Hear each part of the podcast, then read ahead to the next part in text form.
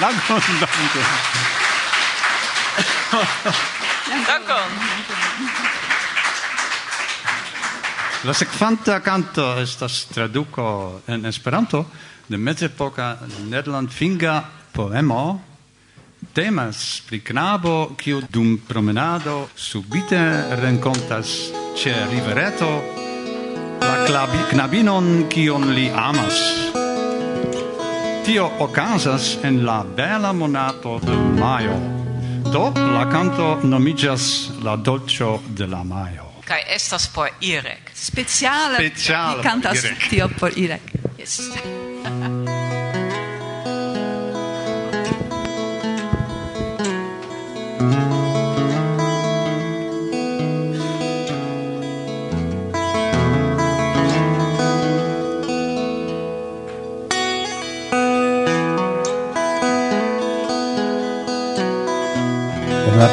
striscio della maio.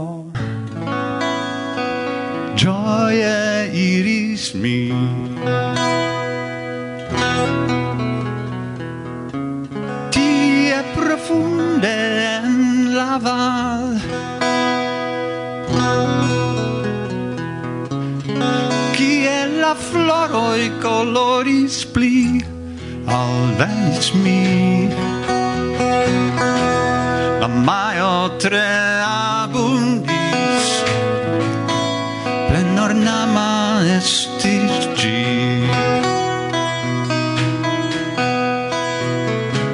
Sed mi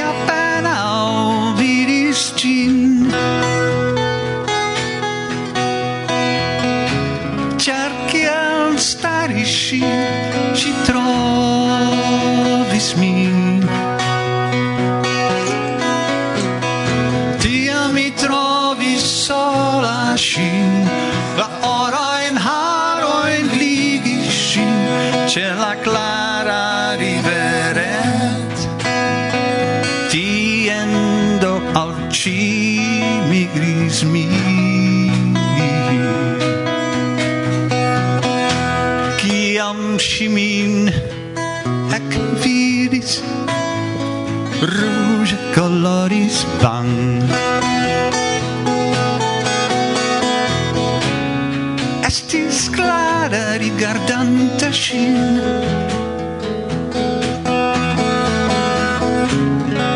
Sen ontence, sen ornan, montrigizan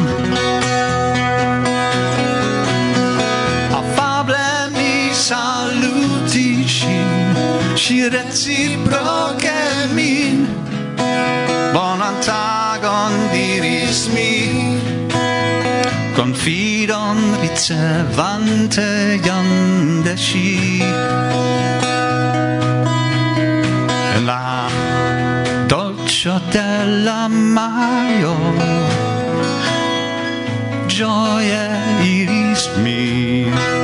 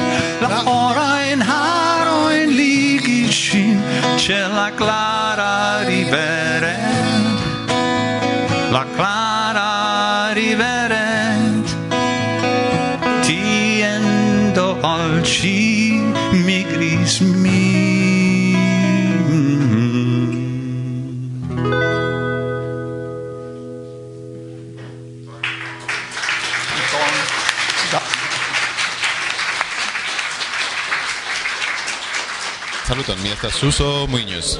De kie vi venas? Mi venas el Galegio. Kaj kion vi faras ĉi tie? Ah, bone. Prelegi, amuziĝi kaj lerni kaj revidi malnovajn amikojn kaj novajn. Via impresoj pri tiu ĉi aranĝo? Mm, mi eh, mi devas konfesi ke mi venis iom laca, ĉar mi komencis la interlingvistikajn studojn ĉi tie en Poznano ĉiare kaj do mi devis ĉeesti multajn prelegojn. Tamen mi tre ŝatis arko konas, ĉu ne estis kvazaŭ...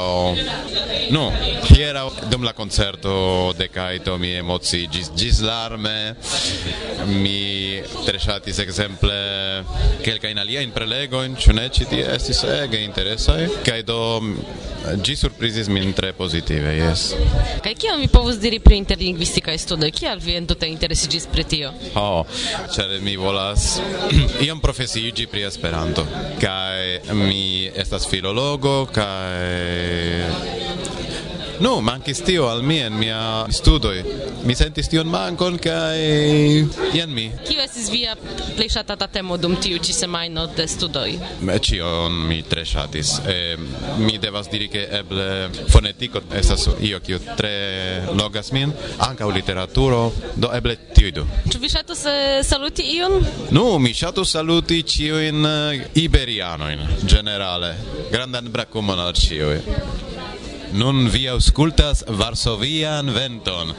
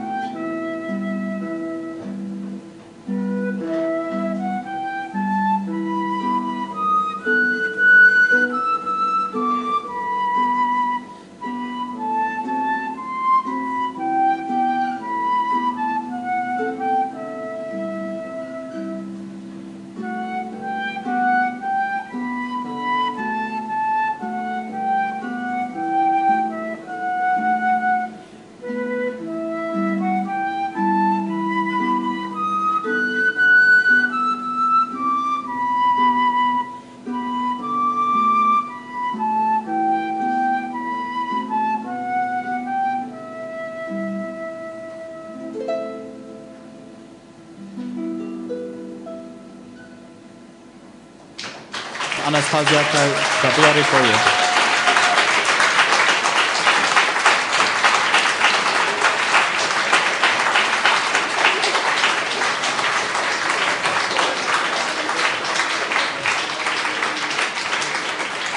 Kiu vi estas? Mi estas Joel.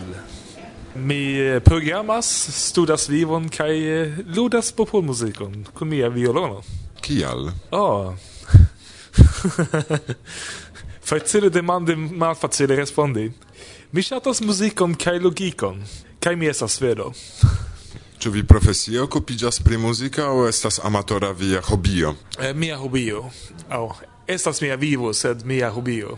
Kial violono? Hmm, bona demandon. Je la komenco en la dua jaro en la lernejo mi havis la elekton inter blovfluton mm -hmm. kaj violonon kaj mi do elektis violonon. Tio voje eh, mi komencis kun violonon. Mi fakte eĉ provis ekludi gitare eh, post kelkaj jaroj sed eh, mi havas plia esprimeblecojn kun violono mi pensas. Violono havas karakterizan sonon. Ĉu impresas vin iu violonisto fama muzikisto? O ne kiel mi estis tiel juna, mi tamen aŭskultis multe eh, da klasika muziko. Mia plej ŝatata violonisto nuntempe estas Hilary Hahn, ŝi estas ege lerta. Sed eh, do dum mia tuta kreskado mi aŭskultis preskaŭ nur klasikan muzikon. Do aŭskultu ni violonon nuntempe por ke vi aŭdu pri kio ni parolas.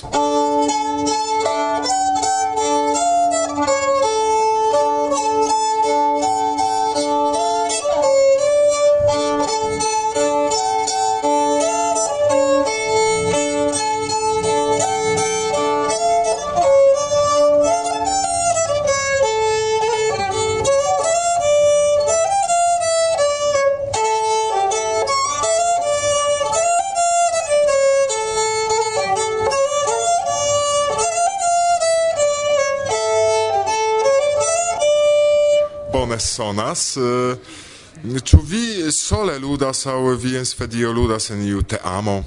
Teamo fakte estas bona nomo por tio. Mi ne ludas en iu grupo, sed ja tamen estas teamo de popolmuzikistoj kiu eh, kuniras kaj ludas eh, foje eĉ semajne. Kaj tio bonegas la mi.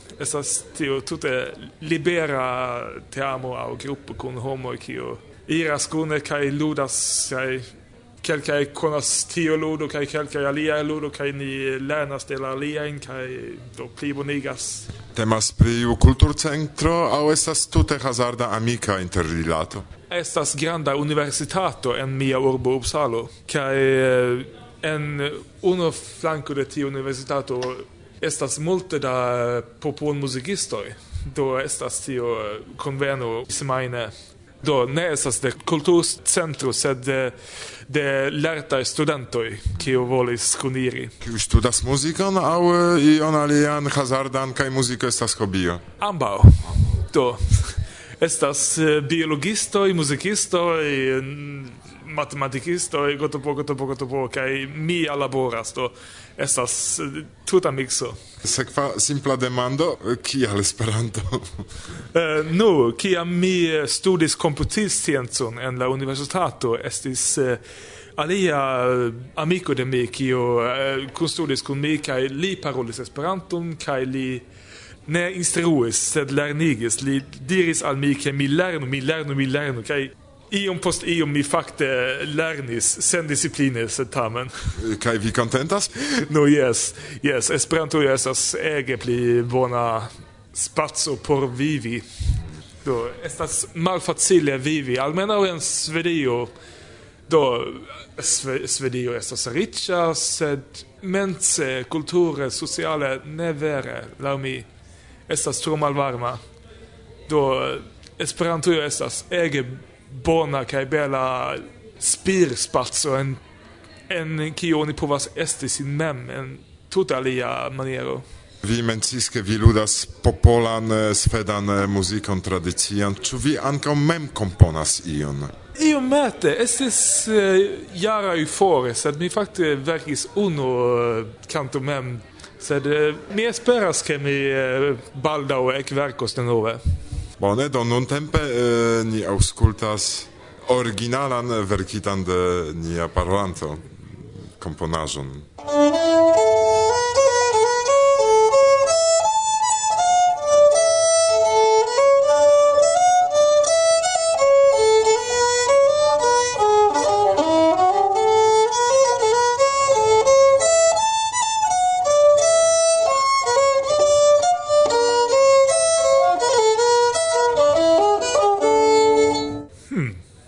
deziras diri al esperantistoj la tuta mondo.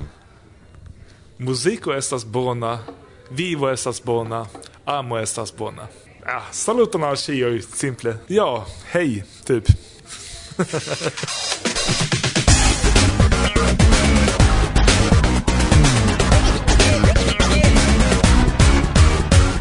Varso via vento Yes, la vipo estas ni, kai uh, vip estas compreneble malongigo, con diversa signifoj. Ni estas unue la vere imponaj personoj. Yes, kai chani tiom perfekte ludas, ni estas ankaŭ la vane imitatae professiuloi. Facte indus et nomini la voion indicantae pioniroi. Au eh, rilate al um, instruado eh, eh, ni estas la virtuloi instruantae porcoin. Uh, se tamen uh, la playtauga tauga prescribo per ni estas la... Vomon instigantae perversuloi. Giusta tio. Kiel kutime ni verkis tion ĉi kanton en la lasta momento? Do hodiaŭ posttagmeze? Yes. Fakte mi verkis la plejparton de ĝi dum la komitat kunsido. Do ĝi ne estis senutila. La canto aŭ la komitat kunsido tio ni decidas poste. Kai gi estas tre konata melodio, mi supozas ke preskaŭ ĉiu el vi rekonas ĝin, kaj ĝi temas pri tre konata temo. Yes.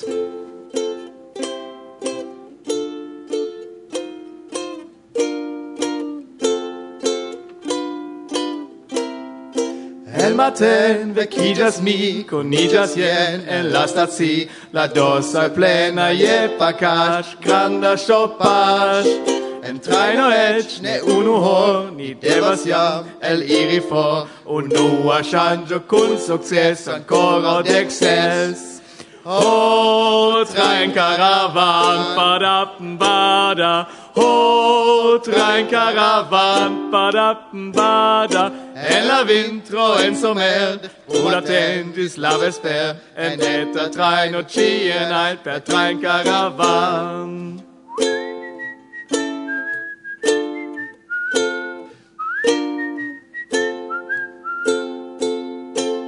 Malalta estas la cotis, pago gin al organis, en ero estelo ielein, contante en train.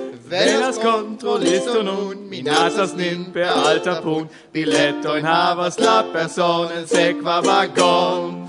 O train caravan, padappen bada. O train caravan, padappen bada. En la vintro, en sommer, de frumaten dis la vesper. Et eta train ocien alt per train caravan.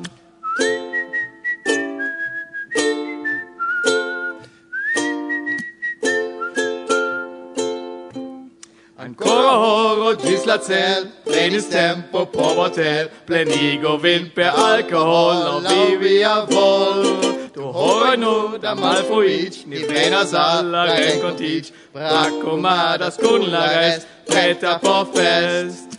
Ho, train caravan, badapn bada, ho, train caravan, badapn bada, Eller vinter en somer de från matin la vesper En etta trein och tien, ett per tre caravan Ho, tre caravan, badapn bada. Ho, tre caravan, badapn bada. Eller vinter en somer de från matin la vesper En etta trein och tien, ett per tre caravan.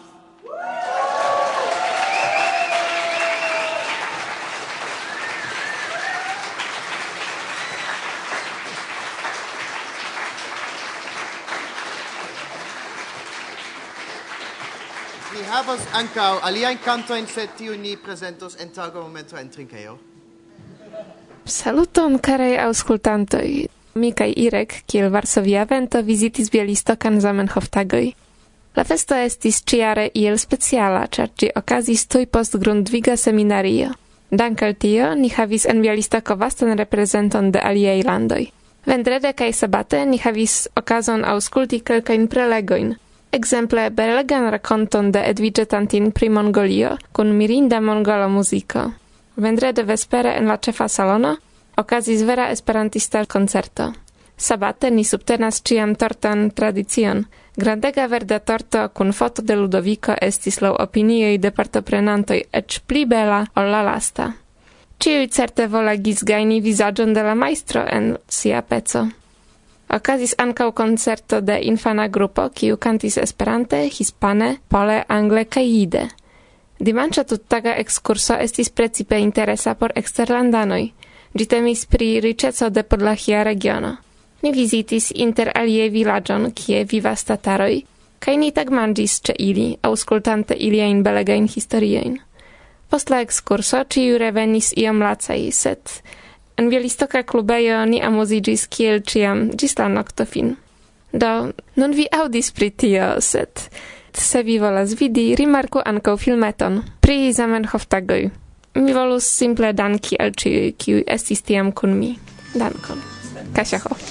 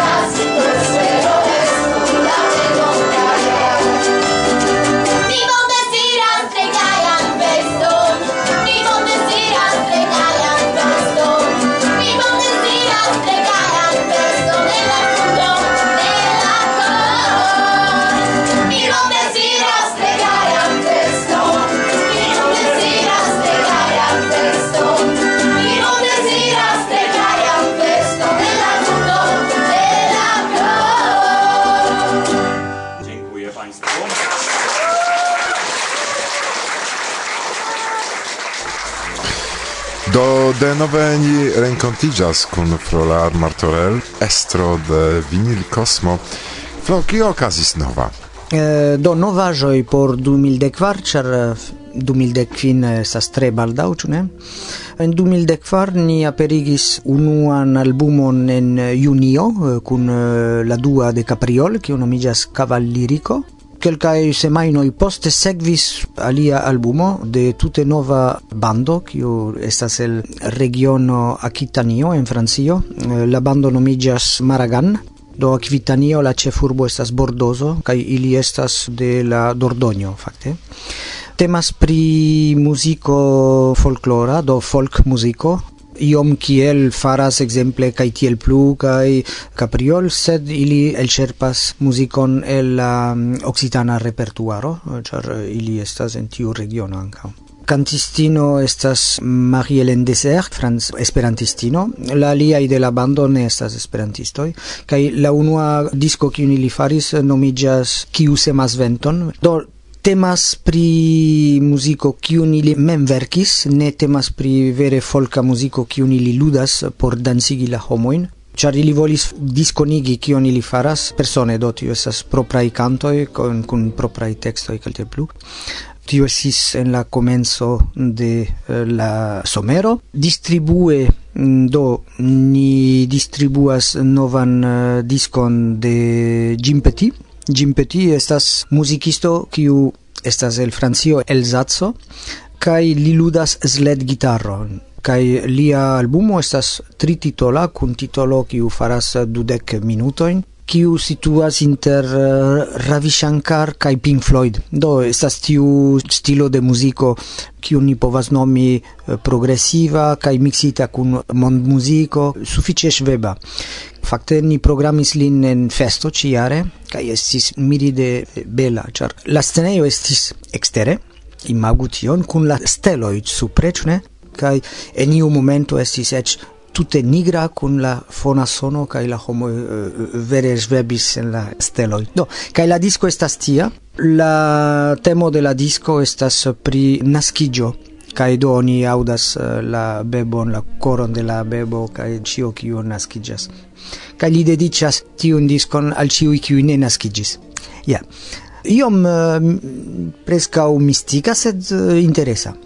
Do tiu estas distribuata de Vinil Cosmo kaj uh, eh, mi tre plezure volis diskonigi tiun artiston ĉar eh, li estas tre valora kaj tre profesia ĉar li kantas Esperante nur. Fakte liaj muzikoj estas ĉefe kiel diri instrumentaj ĉu ne? Sed kiam li titoligas la muzikojn estas en Esperanto kaj kiam li aldonas vortojn estas en Esperanto. Yes, tre simila eh, kaj tre proksima muzika al ŝanĝo. Kaj tio estas lia tria albumo fakte. Do alia projekto estis de Jacques Lepuil, en kiu kunlaboras Jomo kun baso kaj li ludas gitaron en tiu ĉi albumo estas kontrabasisto kiu nomiĝas Pierre Bouvier kiu estas ankaŭ uh, esperantisto kaj ankaŭ estas Jean-Claude Patalano kiu ludas tie saksofonon, fluton kaj klarneton. Do estas kanzono, ĉiuj konas jam eh, Jacques Lepuil, sed la facto che si saldonita i tiu instrumento i donas alia etoso al albumo kaj do alia nivelo ankaŭ ĉar eh, fakte eh, la musicisto estas tamen eh, bonaj ĉu ne La mixado estis farita iom aste por che la disco aperu. Eble estis kelkaj eraretoj rilate al tio, sed generale la disco estas ŝatata. Tiu kiu ŝatas cantadon de Jacques Lepul ŝatos aprezos. Tiu disco aperis antaŭ ne tre longe, en novembro kai tui poste venas Martin kai la Talpoi la dua albumo. Li laboris eh, pri tiu disco de pli malpli du jaroi. La plei granda parto estis registrita en uh, Stoccolmo en eh, uh, studioj en registreio en eh, uh, exerceio kai ancao en sia propria domo. Eĉ uh, mi povas diri ke unu el la musico la percutilo estas la covrilo de la necesejo. Do tio estas la anekdoto, li mem rakontos. kai do La disco estas mirinde bona, mi pensas che estas unu la plej bonaj kiu ni eldonis, kun ege bonaj tekstoj. Vi havos plezuron subtitoligi uh, videon, se li faras videon. Kaj jes, yes, mi pensas ke la homo ne bedaŭras. Alia afero estas ke li ankaŭ laboris la grafikan flankon, ĉar li volis eh, ke estu bela objekto do fizikaj disco estas unu afero antaŭ kiel diri oni flegis iam eh, la libreton, ĉu ne, sed li volis flegi pli bone ankaŭ la ujon, ĉu ne? Kaj do ni faris tion laŭ tiu digipak formo, kiu estas kartona kaj do estas bela disko. Mi pensas ke la grafika parto estas ankaŭ tre bona koncepto. Kaj tekstoj kaj tiel plu. Vive vekiĝis frue kun malbona antonsen restas en la auto kiel malakte pikadent mi skuas vi ein schultroin kai vi spiras enlaven sed la sento restas. Ju pli alta pinto, des pli profunda faro Kai mi vin demandas kio estas la real Kiam nia mondo transformillas a la mar Se la sento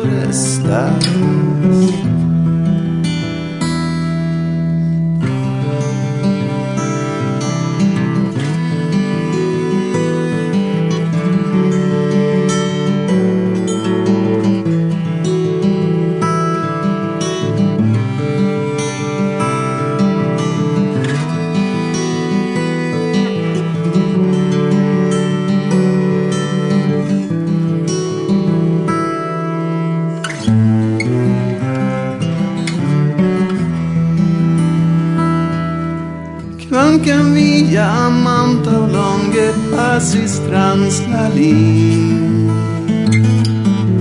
Remas vin la mem culpigo cae sin malesti. Vi antauen iras movigianta de cutim Se la sento restar yo y estás en la mí. Was wir Window. Bla bla bla.